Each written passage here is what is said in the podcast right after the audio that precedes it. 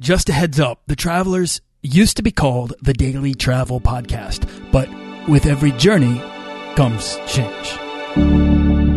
This podcast is produced by Holocene, a community of creative travelers. If you want to get serious about planning that next trip, writing that book, starting that creative project, or launching that business, we're breaking down the barriers between where you are where you want to be together at joinholocene.com. That's join, H O L O C E N E.com.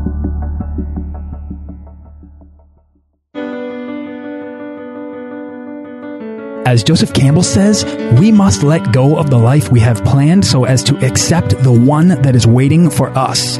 Now let's go climb mountains with John Lee Dumas. Do you want to travel further and more often to visit new places and meet new people and expand the role that travel plays in your life? I'm your guide, Nathaniel Boyle, an explorer that wants to help you get out, see the world, and find meaningful, life changing experiences.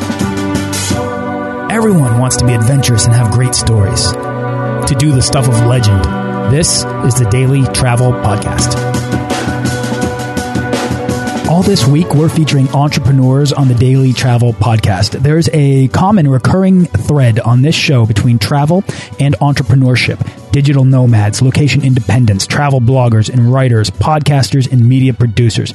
Many of these fascinating people have built travel into their daily lives on the success of their personal skills and businesses. Entrepreneurship may not be for everyone, but travel in whatever form should be. So I wanted to get some perspectives from location independent entrepreneurs, as well as new upstarts in online business with backgrounds in travel to delve into how travel has helped influence their decisions to create freedom in their lives, embrace uncertainty, tackle the world with the curious mindset of an explorer, and build their legend. If you're curious about learning the skills to live and work anywhere or even if you just like good travel stories from interesting, real life people, then stick around and enjoy the show. All right, explorers, today's guest is the host of a top rated business podcast called Entrepreneur on Fire. Uh, he's not normally known for his travels, and to my knowledge, he hasn't really discussed them, but He's a very interesting travel background, which I want to dive into, that involves an active tour of duty in Iraq, living in Guatemala with a family for four months, and dropping out of law school to spend another four months in India and Nepal and trekking the Annapurna circuit. He just got back from the Philippines because more recently his work has created speaking opportunities all over the world. If you listen to his show, you know John Lee Dumas, the entrepreneur. But let's all get to know John Lee Dumas, the traveler. So, John, what is up? Thank you for coming on the show. Nathaniel, boy, after hearing that intro, I am truly prepared to ignite. Nice. All right. So I so I shared a little bit about you, but I want you to introduce yourself. Tell us what you do and how you got started traveling. Yeah, no, absolutely. For me, you know, traveling's always been a passion of mine. So when I graduated college in 2002, I was commissioned as a second lieutenant in the U.S. Army. And for all of you history buffs, we were the first commissioned officers post 9-11. So we knew that we were really in the shizzle, so to speak. And sure enough, a year later, I was in Iraq for 13 months as a platoon leader of 14, 16 men. Got to see a lot of that country, of Kuwait, of Saudi Arabia. And it was fascinating to say the least, while terrifying at the same time, for sure. Um, after my time in the service, I decided to, to take some time off and travel. And that's when I went to Central America and did uh, Guatemala for four months and actually lived in Guatemala with a Guatemalan family, taking four hours of 101 Spanish every single day to try to learn the language and immerse myself. And I will say I became quite fluent, but uh, mi español es no bueno ahora, which is translated to my Spanish now sucks because if you don't use it, you lose it. And that was 2007. So a full seven years ago of not speaking Spanish equals no bueno. So uh, after that, you know, I started trying to get serious in life. I went to law school. I tried commercial real estate, residential real estate, corporate finance. Um, pretty fascinating. You did you did mention that I uh, when I dropped out of law school, which I hated. I tried to find myself in India, and that was a fascinating four months, you know, which was really highlighted by that trek over to Nepal and the Annapurna base camp overnight sleep, which was great as well, despite the altitude sickness. And yeah, most recently, I mean, I went to the Philippines to speak at a great conference, Cebu specifically within the Philippines, which was amazing. But, um, you know, Entrepreneur on Fire uh, uh, is really my focus, is what I spend all of my time doing on a day to day basis. You know, here we are on a Saturday talking um, on a podcast because I love it. And it's, it's my passion. It's my seven day a week podcast where I interview inspiring and successful entrepreneurs and share their journey. Yeah, it's a great show. Anybody that, that is interested in business uh, and listens to podcasts like you know like this one, go over and check it out. Uh, it's a great show. He's thanks. he's firing away. So. All right, so you returned from Iraq, and rather than re-enter the workforce or go back to school, you decided to turn to travel. And move in with a family in Guatemala for four months. Yeah. So like, what inspired that decision? I feel like I had earned it. You know, I mean, I had spent four years as an officer. I was currently in the reserves at that point, in the inactive reserves. So I didn't have any weekends or, you know, two weeks during the year to commit it to it. I was truly on my own, despite being in the reserves due to that inactive component. Um, and I was just like, you know what? I, I don't want to rejoin the real world. I don't feel like climbing that ladder right now. I don't feel like I need to 100% immerse myself right now. I feel like I can take some time and just kind of be a vagabond, kind of be a wanderer, kind of be a traveler. And it was amazing. You know, I, I actually was preceded by a trip to Costa Rica, which was just a two week trip, but that trip was amazing. I fell in love with that part of the world. And I met somebody on that trip, a, a doctor who was talking about this place he kind of referred to as Eden, uh, Panajachel, Guatemala, which is a town on the lake of um, Lago de Atitlán, which is this massive uh, volcanic lake up in the mountains of Guatemala. And the way he described it, and then I did some research on it, it looked amazing. And they had some great Spanish speaking schools there. And I was like, you know what? This would be an amazing opportunity. I left for Guatemala. You know, I didn't really know when I was going to return. I knew it was going to be around four months and it ended up being just that. And what an experience it was. You know, I, what I love about the an your answer there, and, and, my takeaway is that you allowed your, you went to this place and you allowed yourself to wander. You allowed yourself to kind of go unplanned into a new culture and experience it, and let the experiences find you. Often, the best stories are the are come from the people we meet, and you met this doctor, which which led you to a life changing experience. It sounds like truly life changing. It was such a random occurrence, and you know, I just asked him, "How did you speak? How do you speak such good Spanish?" And he went on to tell me that he took classes at this school and this amazing place. And you know, after a couple minutes of research, I was just like, "Yep, that's me." Now, I don't want to relate going to war in Iraq with any sort of travel, but I do want to ask was there any correlation between your experiences in Iraq and Kuwait and Saudi Arabia and your desire to continue traveling and to go to Guatemala when you got home?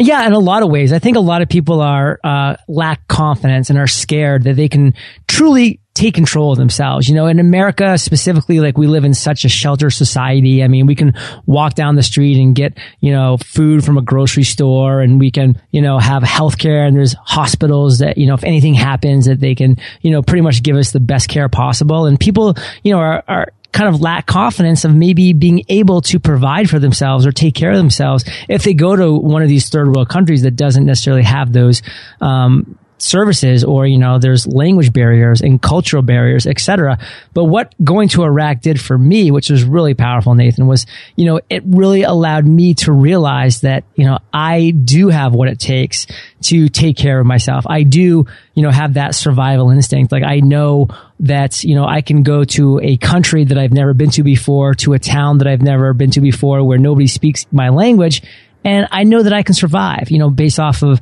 the skills that I've acquired up to that point in my life. So it gave me the confidence, confidence I needed, Nathan, to really focus and succeed as a traveler. And that was really powerful for me.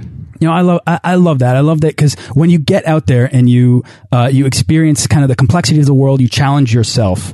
Uh, you really can find that confidence. And this show is all about helping people become not just travelers but explorers. You know, so that they can find these stories and have these stories happen to them, and they can create legends of their lives. You know, and so flash forward a few years, you're in law school, and then what happens next, you actually put yourself to the test. And you said, you mentioned trying to find yourself in India and Nepal later, but I want I want to explore that a little. So what happened in the next few, few months from law school that you wind up trekking the Annapurna circuit instead?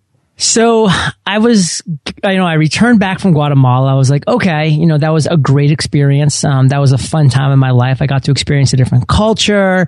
You know, I got to meet really cool people and I, and I just had such great memories from that. But I'm like, okay, now I'm 27 years old. It's time to get serious about life. You know, I feel like we as human beings just have this misperception, you know, no matter what age we are, you know, whether that be 27, which I was at the time, or 34, what I am now, you know, we think that, you know, now's the time we better be serious. You know, I look back now, I'm like, John, chill out, take another couple years and just do whatever. I mean, what was your big rush?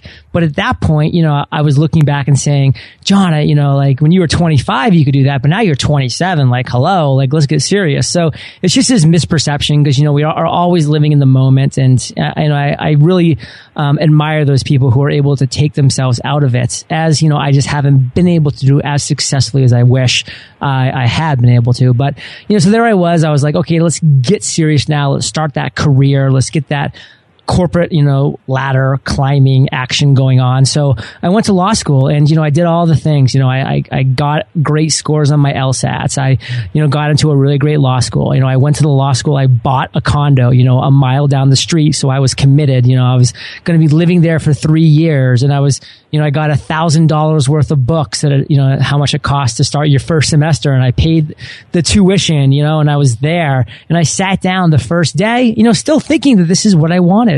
And I'll tell you, I looked around. I remember looking around, seeing the students that were there, and I'm like, all right, these are my people for the next three years. Like, I'm going to get to know these guys. Like, this is law school. Like, this is cool. And then by the end of that first lecture, I was like, man, this is not me my intuition, my gut, everything to the core of my bone, my fiber is telling me don't continue on this trip, this trek that you're on right now. Law school is not for you. And I mean, I wish that I'd answer that, you know, heating immediately. But to be honest with you, you know, I had committed so much time, so much effort, you know, the, the condo that I had bought, the tuition that I had paid, the books that I was lugging around, the family and friends who were, you know, all thinking I was going to be this, you know, lawyer now. You know, I, I stuck it out for a semester and I really applied myself despite, despite being very unhappy and hating almost every second of it. I spent the entire semester doing the things that law students do. And to be honest with you, I had success. I was, I, I took the finals. I had all A's and B's. I got an A in contracts, which is like the toughest course for, for 1L students. And, you know, I, I, was like, okay, well, I can do this, but I still don't want to do this. So I went home. I sat down on the couch with my father, who is a lawyer and who was so proud and so excited that maybe one day I would join his law firm. And it was one of the toughest conversations I ever had. I had to look him in the face and say, dad, I'm quitting law school. And in fact, I just need to get out of this toxic environment that I find myself immersed in. I'm leaving for India in two weeks.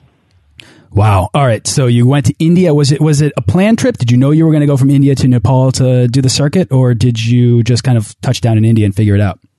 The latter. So I found two guys who were traveling to India. It was on a travel website where I don't even remember which one it was. It was back in 2008. Um, and they were you know, just posted, Hey, we're two friends from Seattle, Washington. We're going to India. We're looking for one or two people that want to jump on this trip. We think, you know, three or four people will make um, a better for a better trip.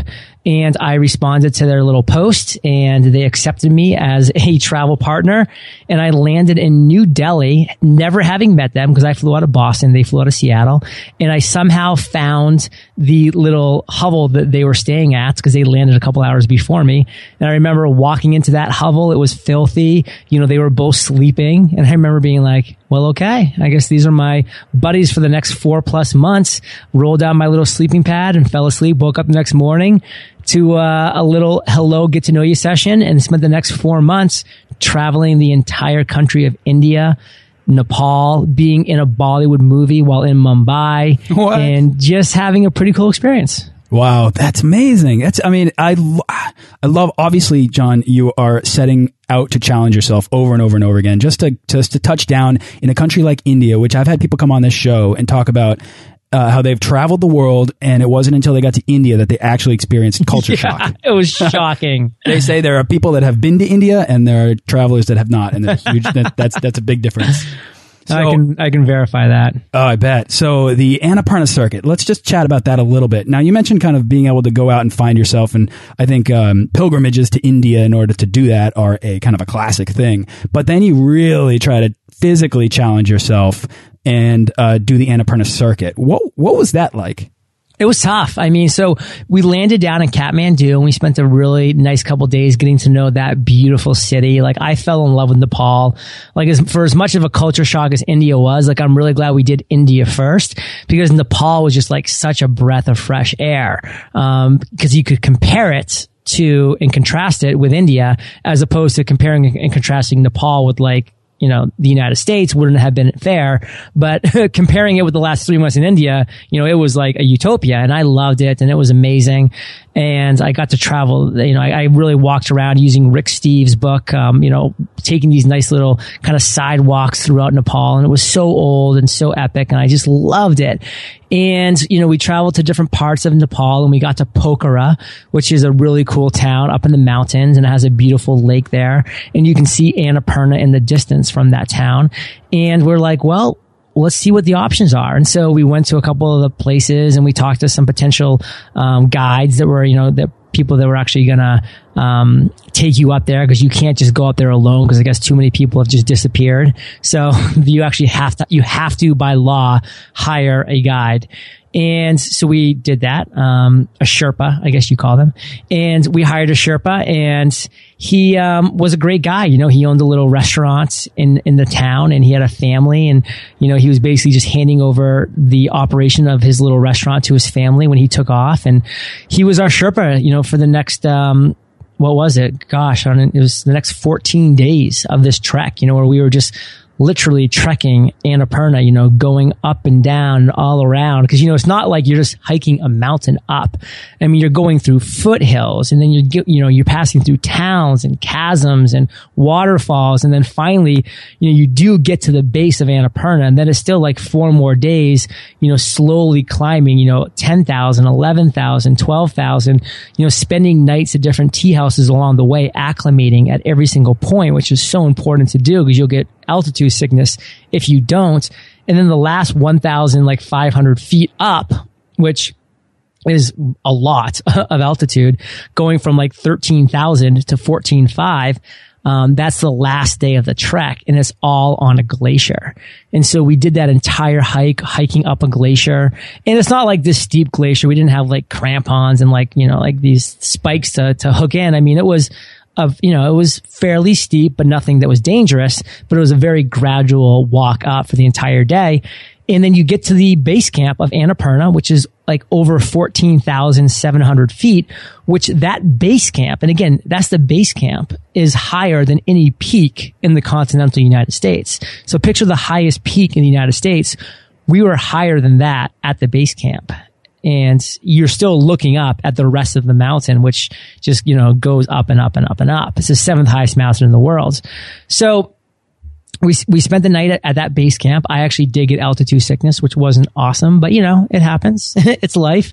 And the cool part is, is on the way back from 14,500 ish down to the second base camp, um, you know, which we had arduously hiked up the day before they give you a sled and you literally sled down the glacier, slide down the glacier on a sled to the to that next base camp. That is that must have been so relieving. that was so great. uh, yeah, you finish. There's a, like a 10 kilometer hike on the Great Wall, and at the end of it is a zip line over a river. And it's like after sweating and and uh, this grueling hike, this is nothing compared to what you just talked about. But that zip line is amazing. So taking that sled ride must have been just oh, it must have been so much fun. You know, so true. Did you have any altitude training ahead of time? None. None. Good for you.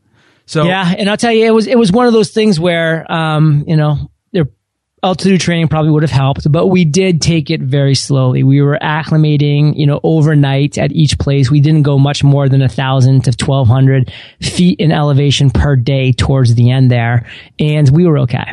Wow. Uh, you know, I mean, you really challenge yourself. You really put yourself in a position to not just find yourself, but to really become the best version of yourself. And that to me is, is a unique opportunity that travel affords people uh, really to kind of to discover that like that feeling inside yourself when you achieve something like completing the Annapurna circuit that you know, like you know, you just you can't go back to being that person you were before you left. So true. Isn't that? I mean, and so uh, did you ever have a moment in your trek in which you didn't think you could keep going and maybe it was the altitude sickness, but was there a point at which, you know, you, you kind of doubted that you were going to be able to do it? Uh, no, to be completely transparent and honest, there was not one of those points. See, that's a good, that's a good mentality. That'll get you through. I was always able to kind of compare and, and, contrast whatever situation I was in to Iraq. And I know a lot of people don't have that situation, but, you know, I went over with a platoon of 16 men, you know, who, you know, were under me, whose, whose responsibility it was for me to take home.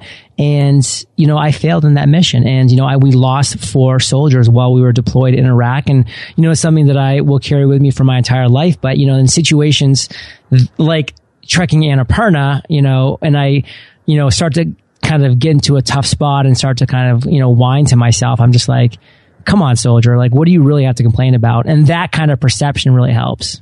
That, that's, I mean, there's your training right there. There's your training. That's probably better than altitude training. you know, John, if I can make an observation, one of the amazing things about you that I'm kind of picking up here is that you give yourself the permission to do things. You seek adventure in life, identify where it is, and then you kind of go out and find it. Not everyone will give themselves the same permission. Do you do you agree with my observation? And like, and if so, do you do you think your travels have helped to develop that side of yourself?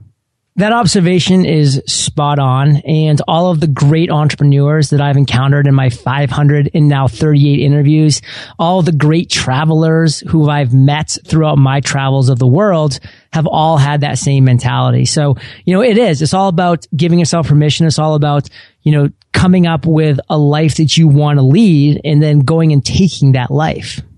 Absolutely. I mean, oh man, that, that is spot on. I love that. Uh, mm-hmm. I mean, it's, it's, that's the thing is that you, you have this opportunity to travel and if it's there, I, you know, you have to take it. And now, John, just because you did take it, you're rewarded with trips to the Philippines to speak at conferences and probably, uh, other places that I'm not even aware of. Were you able to get off the resort while you were in the Philippines and explore the yeah. country?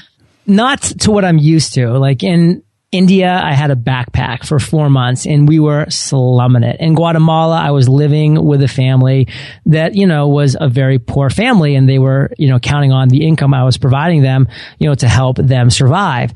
And, you know, this was um, really immersing myself in the Philippines, I mean, we got out a little bit and went from like point A to point B and I could look out the window and see, you know, things that really reminded me of both India and Guatemala and other areas in other third world countries.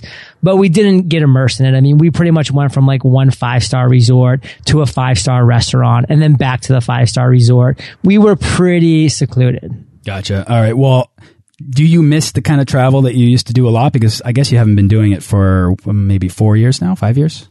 Yeah, there's, you know, I miss it. You know, in the moments, you know, it sucks on a lot of levels and it's amazing on a lot of levels. It's kind of like an entrepreneur's journey, you know, it's this roller coaster of emotions. I mean, you wake up and you know you feel gross because you're filthy and it's so hot and you have mosquitoes biting you and you know you're sleeping on a bed of lice and you're itching and there's no shower there's no coffee and you know i mean i'm painting a pretty dismal picture but i mean that's the reality of traveling especially in a country like india on a budget which is we were definitely on a budget uh, but then you know you get yourself together and you go swimming in the ocean and you come out and you have some breakfast and then you hike this mountain you go to this temple and then you're like oh my god this is the best thing in the world and you like watch like the sun setting, you know, like over the, uh, him, you know, Himalayan mountains and you're just like, this is unbelievable. So there's incredible highs, there are incredible lows. It's really easy for me to look back and just remember all the great moments that happened during my travels, but I'm a realist at the same time. I remember there was a lot of times that sucked during those travels. And I think it's important for travelers to go in knowing that, set your expectations like that and just know, you know, take the good, you take the bad, the facts of life. Absolutely. And oftentimes the best stories come from the, the moments in your travels that challenge you the most. Uh, they can be, they can be very uncomfortable, but you know, I went and saw the Colosseum is not as good as I went to Rome and somebody stole my wallet. That's that's the story I want to hear. Um, so so you got to go in open minded. I I completely agree. Um, all right, John. Last question: If you could go anywhere, where would you go? Wow. So we're actually taking an amazing trip in May, myself and Kate, we're shutting down um, our part of Entrepreneur Fire. Entrepreneur Fire will continue because we have two virtual assistants and they'll be doing what they can. They both work full time, 40 hours a week. But Kate and I are completely turning off. We have everything, you know, there'll be an interview going out daily. There'll be blog posts going out. Everything should go smoothly. Of course, you know, Murphy's Law, something I'm sure will go wrong, but we are completely turning things off and we're going to go and just for two weeks, we're going to travel Europe and really immerse ourselves in it. We land in Paris. Um, we're going to Barcelona. We're going to Lugano, Switzerland. We're going to Cinque Terre. We're going to, we're flying back out of Prague. That's our final destination. So, um, we have a lot of things to plan to travel and I'm looking forward to all of those ventures and all of those travels. But I can tell you the one place that I'm looking forward to going in the future because I kind of am an extreme sports kind of guy. Like deep down, like I'm terrified of extreme sports, but I love them at the same time. And that's New Zealand. So I'm looking forward to getting to New Zealand, to really giving that island its due, you know, a couple weeks just there and really immersing myself in it. I lived there. I bartended there. I No kidding. went skydiving there. It is the place, man. Cool. Good to know. Yeah, get yourself over there. All right, John, is there anything else you'd like to share before we wrap up? I just like to kind of go back to uh, the setting expectations. You know, travel can seem, you know, so romantic. It can seem so amazing when you're just thinking about it, when you're hearing about other people talking about it. But, you know, people that have actually traveled, you know, have experienced just how amazing it can be because it is truly amazing. It can be life changing and the people that you meet, you know, can have incredible impacts on your life. But just know that, you know, at the same time, it is life. You know, there's going to be those difficulties and there's going to be those challenges. Those wallets are going to be stolen. You know, you're going to come down, you're going to be sick and, you know, nobody's going to be there to take care of you. I mean, you know, you have to go in with the right perception. So when those times do come, you're ready for it and you don't let it affect the rest of your journey, but you get through it to see the next sunny day. So well said. John, where can people go to find out more about you? All the magic happens at eofire.com. Thanks so much for coming on the show. It's been great. Cool. Thanks a lot. All right, happy wandering. One way or another, we all have to find what best fosters the flowering of our humanity in this contemporary life and dedicate ourselves to that. That's Joseph Campbell again, and I just love the way John is so able to tie his adventures in travel with his entrepreneurial journey. His experience with overcoming altitude sickness works as this amazingly wonderful metaphor for his ability to manage his overwhelming success in business. The reason I'm doing Entrepreneur Week on a travel show is not to convince you to start a company. It's to consider the value of travel to the mind and how it might free it, challenge it, train it to overcome obstacles and acclimate it to things like discomfort, uncertainty, and stepping outside of your comfort zone into the unknown where the best stories are waiting to happen to you. If this is something you want for yourself, then be sure to tune in to episodes 29 through 33 for more. Thanks for listening to this episode of the Daily Travel Podcast. For show notes and links to everything in this episode and more, head on over to dailytravelpodcast.com. Join our Facebook page of explorers and subscribe to our newsletter for the best deals and resources to help make your next trip life changing.